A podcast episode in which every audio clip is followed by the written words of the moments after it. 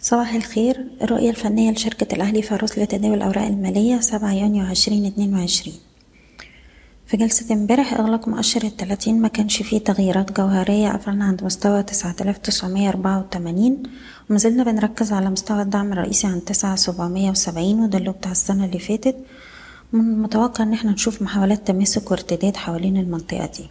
أقرب مستوى مقاومة هيكون عند العشر تلاف ميتين وستين وده الهاي بتاع الأسبوع اللي فات.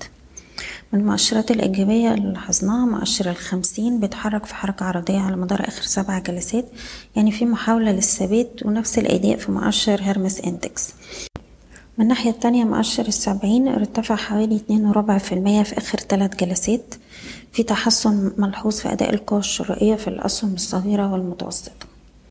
بالنسبة لل CIB امبارح كان في تراجع بداية الجلسة نزل تحت مستوى دعم التسعة وتلاتين أربعين وسجل أقل مستوى عند التسعة وتلاتين جنيه. لكن قدر في نهاية الجلسة إن هو يقلل من الخسائر بتاعته ويقفل عند تسعة وتلاتين سبعين وبالتالي طول ما إحنا محافظين على مستوى التسعة وتلاتين جنيه هيبقى في احتمالية إن إحنا نشوف محاولات ارتداد لغاية واحد وأربعين ونص ولو اخترقناها يبقى عندنا الاتنين وأربعين ونص.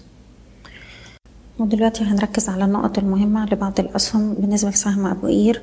بنحتفظ فوق مستوى وعشرين خمسة وتمانين. طول ما إحنا فوق المستوى ده عندنا تارجت عند السبعة وعشرين تمانين.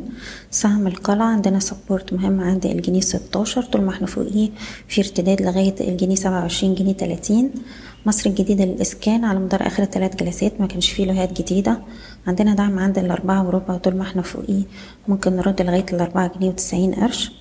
سهم موقف فوق التسعة وتسعين جنيه عندنا target عند المية وتمانية القبضة الكويتية دولار عندنا دعم عند الدولار اتنين وتلاتين وطول ما إحنا فوقيه عندنا مستهدفات عند الدولار ستة وتلاتين ونص ودولار تمانية وتلاتين.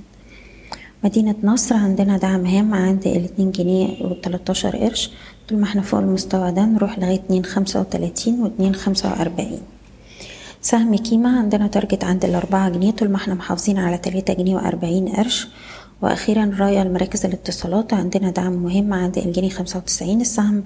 اختبر المستوى ده ورد منه بأحجام تداول عالية وبالتالي شايفينه بيستهدف مستويات الاتنين عشرين والاتنين تلاتين. بشكركم بتمنى لكم التوفيق. إيضاح الشركة غير مسؤولة عن أي قرارات استثمارية يتم اتخاذها بناء على هذا التسجيل. شكراً.